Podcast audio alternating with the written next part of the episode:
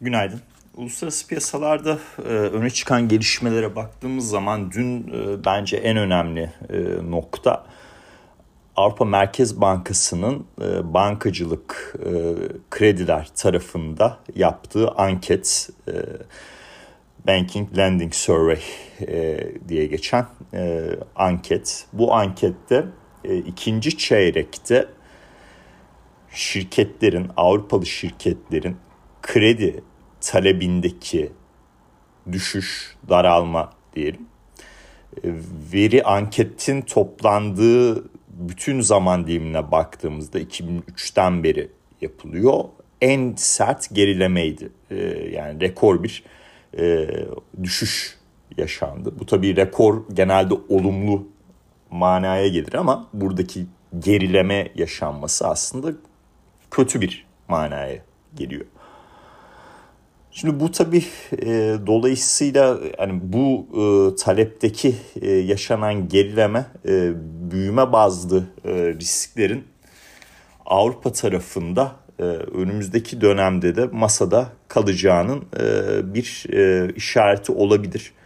Burada ben hala dünkü e, açıkla e, dünkü podcast'te paralel e, yani Avrupa Merkez Bankası'nın ileride atacağı adımlarla yani sıkılaşma tarafından FED'den sonra e, onun da bir artış e, yapması hani kabaca bir veya iki artış ama bir artış e, diyelim.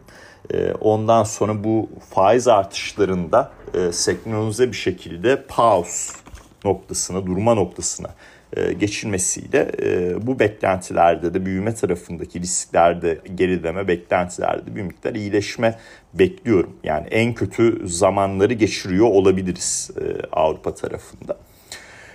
Bunu da derken hani şeyi de unutmayalım. Hani IMF dün mesela global büyüme tahminini 2023 için 2.8'den %3'e yükseltti. Ee, burada bir süredir hani bizim de aktarmaya çalıştığımız işte sert iniş olasılıklarının gerilediğinden bahsediyor. Ama tabii ki hala e, yani büyüme riskleri masada diyor. Enflasyon tarafında da riskler var diyor kabaca. Şimdi dünkü işte bu anketin etkilerini bu açıdan düşünmek de bir miktar lazım. Dolayısıyla Avrupa Merkez Bankası Eylül ayına dair e, kapıyı Fed'e göre biraz daha açık bırakacak ama Fed eğer Eylül'de yapmayıp pause durumuna geçerse Avrupa Merkez Bankası'nın da e, son faiz artışının e, Eylül ayında gelme olasılığı e, bence yükseliyor. Dün Almanya'da işte IFO iş güveni e, endeksine baktığımız zaman da 2022 Kasım ayından beri en düşük noktada bulunuyoruz. Bence günün dünkü e, en önemli konu buydu. Hani merkez bankalarının e, gidişatını tabii enflasyon işte e, istihdam piyasası büyüme tarafı vesaire bunları konuşarak çözümlemeye çalışmak veya burada bir size yol göstermeye çalışmak veya konuyu benim anlamaya çalışmam e, tabii ki mantıklı genel yapılması gereken bu ama krediler e, tarafı da e, bence oldukça önemli. E, bu hafta e, ki Merkez Bankası toplantılarından daha önemlisi bence dünkü e, yayınlanan bu e, anketti bankacılık sektörünün e, ne dair anketti Avrupa Merkez Bankası tarafından. E, ve gelecek hafta e, ABD tarafında alacağımız bu anketin bu benzer bu anketin ABD versiyonunu düşünün. O, o tarafı da e, görüyor olacağız. O da oldukça önemli olacak. Şimdi ABD tarafındaki ekonomik verilere baktığımızda tüketici güveni Temmuz ayında Conference Board'un açıkladı. Yani oldukça yüksek geldi. 2021 Ağustos ayından beri en yüksek rakam arkadaşlar. Ee, ya bu da tabii e, hani imalat sektörü kötü ama mesela e, işte dünkü YouTube yayında da bahsetmiştim. Yani imalat sektörü kötü ama mesela tüketimin devamlılığı konusunda tüketiciler en azından e, güvenli bir şekilde durmaya devam ediyorlar. Bu da önemli çünkü istihdam piyasası hala güçlü arz talep dengesi oluşmaya başlasa da. E, bu yapıda tabii yarın e, büyüme verisini alacağız Amerika'da. E, burada da ikinci çeyrek büyüme verisinde tüketiciler tarafında tüketim, kişisel tüketim tarafında bir miktar gerileme bekleniyor. E, ama bakalım belki de beklentilerin üzerinde bir rakamda karşılaşabiliriz. Büyüme tarafı tabii şirketler açısından da hisse başı karlar, karlılıklar vesaire bunlar açısından da önemli. Kısaca şeye de değineyim hani e, FED'den hani bunu YouTube'da da detaylı olarak aktarmaya çalıştım. 25 bas puan faiz artışı bugün bekliyorum. Piyasa Powell'ın basın toplantısında güvercin bir yapıda olması bekleniyor. İşte buna güvercin faiz artışı diye tanımlama yapılıyor. Çok böyle piyasayı terste bırakmayacaktır. Disinflation kelimesini birçok defa kullanacağını düşünüyorum. Para politikasındaki gecikmeli etki vurgusunu birçok defa kullanacağını e, vurguluyorum, e, e, bekliyorum. E, onun dışında e, çekirdek hizmetler eksi e, barınma kaleminde geçen ay yaşanan iyileşmeye değinecektir. Ama tabii hani mesela büyüme tarafında bankacılık likidite krizi sonrası ciddi soru işaretleri oluşmuştu. Mesela tek sayfalık karar metninde e, ikinci paragrafta bir değişiklik görebiliriz. Oradaki belirsizlik kelimesi daha kalmaya devam edecektir. E, ama e, büyüme tarafında e, bir miktar daha olumlu bir tablo e, orada çizebilirler. E, en azından korkulan kadar kötü bir durumda değil noktası belki vurgulanabilir. Her neyse e, böyle bir durum e, yani sonuç olarak Eylül ayında şu anda %20'lik bir e, olasılık var faiz artışı yapacağına dair. Bu olasılığı bozmayacaktır. Bunu ne sıfıra indirecektir ne de %50'nin üzerine çıkartacaktır. Bence Jackson Hole toplantısı Ağustos sonunda çok daha önemli bir yapıda olacak e, senkronize hareketi Fed ve ECB Avrupa Merkez Bankası tarafından biraz daha iyi anlayabilmemiz açısından. Şimdi bunu geçtikten sonra e, hazır e, bir miktar Avrupa'dan bahsetmişken e, Avrupa'nın piyasa değeri açısından en büyük şirketi LVMH dün bilançosunu açıkladı. ABD satışlarını pek beğenmemiş piyasa. Böyle çok rakamlara detaylı bakamadım ama e, seans sonrası işlemlerde ABD'de işlem gören e, hisselerinde %4'e yakın gerileme var. E, bu e, bugün Avrupa e, endekslerine bir miktar olumsuz yansıyacaktır. Eurostox e, Stock e, 50 endeksine mesela. E, işte bugün vadelide de işte af e, eksi rakamlar görüyorum. Ee, dolayısıyla bugün e, Avrupa borsalarında endekslerinde ABD vadelilerine göre görece daha kötü bir performans görebiliriz. Ee, bizim işlem seansı boyunca öyle söyleyeyim. Ee, ne, neden derseniz işte LVMH'in etkisi. Onun dışında ABD'de bilanço sezonu gerçekten hızlanıyor arkadaşlar. Dün e, seans sonrası Microsoft ve Google'dan rakamları aldık ikinci çeyreğe dair. Şimdi Microsoft tarafında e, bulut sistemlerde Azure e, iş kolu. Buradaki büyüme e, yıllık bazda %31'den %27'ye düşmüş. Ve içinde bulunduğumuz çeyrekle ilgili olarak da %25 ila %26 arasında bir büyüme öngörüyor. Şimdi bunu piyasa çok beğenmedi. E, bir miktar bunu bir e, satış e, yani kar satışı diye yorumlamak daha doğru. Çünkü geçen hafta hisse tarihi zirvedeydi. Bir satış fırsatı olarak kullandı. Kar satışı, kar realizasyonu fırsatı olarak kullanıyor. Ee, bugün işte seansta da bunu göreceğiz. Ama yani rakamlara baktığımda yani hem e, içinde bulunduğumuz çeyrekte hem e, pardon hem e, ikinci çeyrekte hem içinde bulunduğumuz çeyrekte dair öngörülerinde ciddi problemler yok. Hatta ikinci çeyrekte 56.2 milyar dolarlık bir gelir e, ciro e, üretmesi var. E, bu piyasa beklentisi olan 55.5'in e, üzerinde. Hisse başı karda 2.69 dolar hisse başı e, kar e, elde etmiş. Piyasa beklentisi 2.56 dolardı. Burada bir miktar e, dediğim gibi hani e, yani çok iyi giden hisselerde bunun Netflix tarafında da bence gördük. Tesla tarafında da bir miktar gördük. Microsoft'ta da gör, e, yani dün seans sonrası gördük. Bugün de bir miktar göreceğiz seans açıldığı zaman. Kar satışları yapılıyor. Dolayısıyla hani bana soracak olursanız bu hisselerdeki bir miktar gerileme özellikle Microsoft yapay zeka tarafında da önemli bir isim. E, piyasa tarafından e, tekrardan bir alım fırsatı olarak değerlendirilir. Neden? E, Mayıs ortasında Azure'un OpenAI ürünü e, bu ürünün 4500 müşterisi vardı. Kurumsal müşteri olarak düşünün dün açıklanan rakamlarda bu rakamın 11 bine çıktığını görüyoruz. Dolayısıyla burada hani yakın vadede yapay zeka tarafı çok belki çok ciddi bir ciro elde etmesi veya karlılık getirmesi beklenmeyecektir.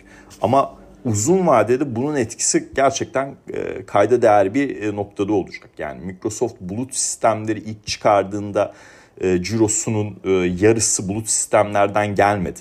Yani belirli bir süre geçti bulut sistemler tarafı e, çok e, daha küçüktü PC iş koluna göre mesela e, veya işte oyun iş koluna göre. Ama zaman geçtikçe bulut sistemler büyümesiyle beraber toplam ciro üzerindeki payı yüzde kırkların üzerine üzerine çıktı. İşte kabaca yüzde elli diye düşünelim. Dolayısıyla yapay zeka tarafında da benzer bir aslında pet diyeyim e, yaşanabilir. İlk başta ürün çıkar, farklı farklı ürünler çıkar. Bunlarda çok ciddi bir e, böyle Microsoft'un 56.2 milyar dolarlık çeyreksel cirosunu çok ciddi birdenbire hareket ettirecek bir yapı olmaz ama müşterisi yapışkan bir hale gelir.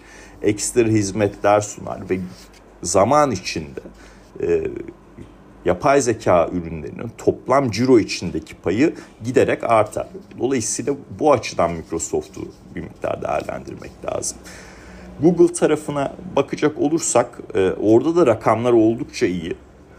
E, işte 62 milyar dolarlık çeyreksel e, cirosu var. 60.2 milyar dolar piyasa beklentisi yani 1.8 milyar dolar beklentinin üzerinde ciro elde etmiş hisse başı karda 1.44 e, dolarla 1.32 dolarlık e, hisse başı kar beklentisinin üzerinde. YouTube gelirleri burada iyi gidiyor.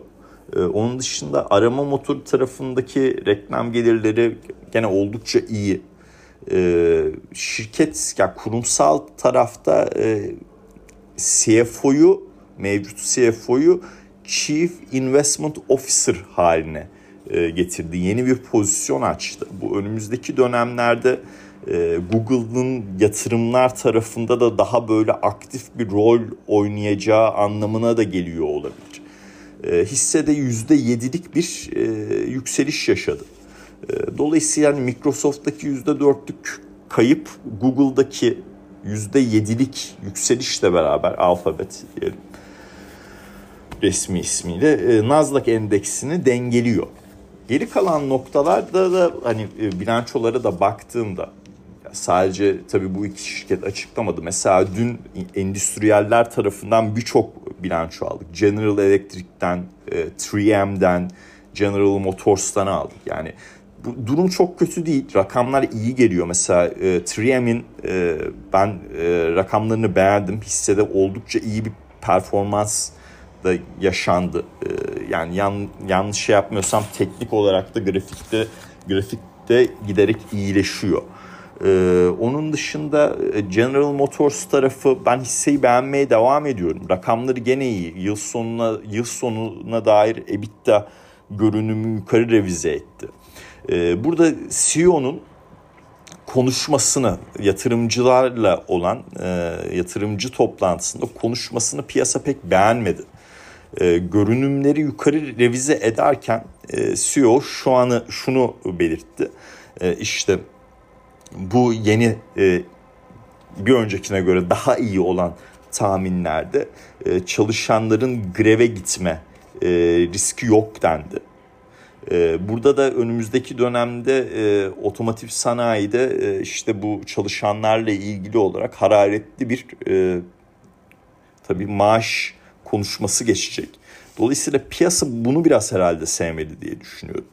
Ee, bir diğer nokta elektrikli araç portföyüyle ilgili olarak e, yani burada direkt aslında Tesla'nın liderliğini kabul ediyor yani. Tesla fiyat indirdiğinde ona karşılık verebileceğimiz bir noktada değiliz. Herkes fiyat indirir noktasına getiriyor.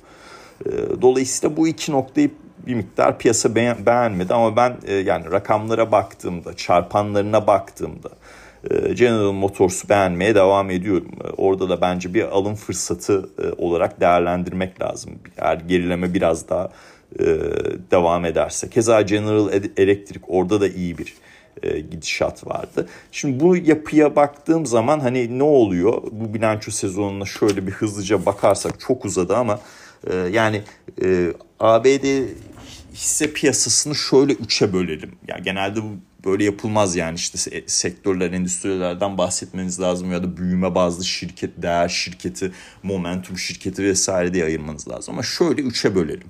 Bir klasik sektörler diyelim.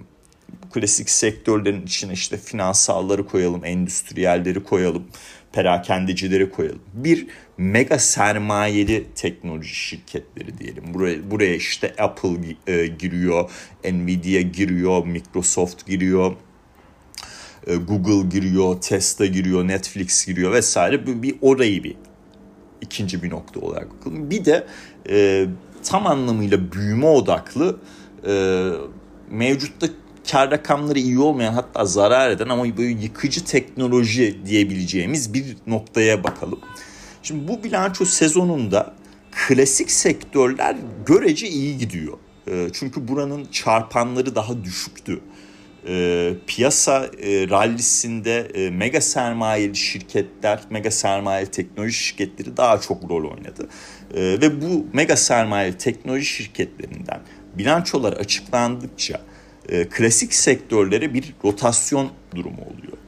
E, FED'li e, para politikasını daha iyi anladığımız andan itibaren bu çeyrek değil ama e, yani bu çeyrekten kısım ikinci çeyrek rakamları değil ama üçüncü çeyrek rakamlarıyla beraber bu üçüncü grupta da yıkıcı teknoloji tarafında da daha çok e, olumlu fiyatlamalara gidişatlı olabilir. Bunu yavaş yavaş görüyoruz. Analistler mesela siber güvenlik hisseleriyle ilgili olarak hani orada karlılık var gerçi hani kar etmiyorlar gibi düşünmeyin. Yani büyüme ve yıkıcı teknoloji diye adlandıralım. Orada mesela giderek daha budiş bir pozisyona geçiyor. Mesela 23 hisselik listeye eklediğim e, Zscaler ile ilgili dün e, bir aracı kurum 185 e, dolarlık hedef fiyat güncellemesi yaptı. Hisse 150'lerdeydi öyle söyleyeyim. İyi bir oldukça olumlu bir durum tabii. Dolayısıyla bilanço sezonu genel olarak bir iki hissenin satış yemisiyle dağılacak bir hisse senedi piyasasını işaret etmiyor şu ana kadar aldığımız e, rakamlara baktığımızda. E, olumlu. E, umarım Jackson Hole sonrası e, yeni bir zirveye gitme adına e, daha da böyle e, e, daha olumlu e, fiyatlamalarla e, karşılaşırız. E, şimdilik durum bu. Daha da uzatmayayım. E, bugün Meta'nın bilançosu önemli. Orada bakın o üçüncü gruba koydum mesela Snapchat dün %19 düştü bilançosu sonrası. E, Meta'da mesela e, büyük bir ihtimal e, yani büyük bir ihtimal demeyeyim Meta tarafında da Facebook'ta da e, tabii Snapchat'taki gerileme sonrası bilançosuyla beraber aşağı yönlü risklerin fiyatlamada kar satışı noktasında. Çünkü mega sermayelere genelde kar satışı geliyor şimdiye kadar e, açıklananlarda e, yaşanma e, durumu e, o işte riski artıyor diyebilirim. Daha da uzatmayayım. Dinlediğiniz için çok teşekkürler. E, herkese mutlu günler dilerim.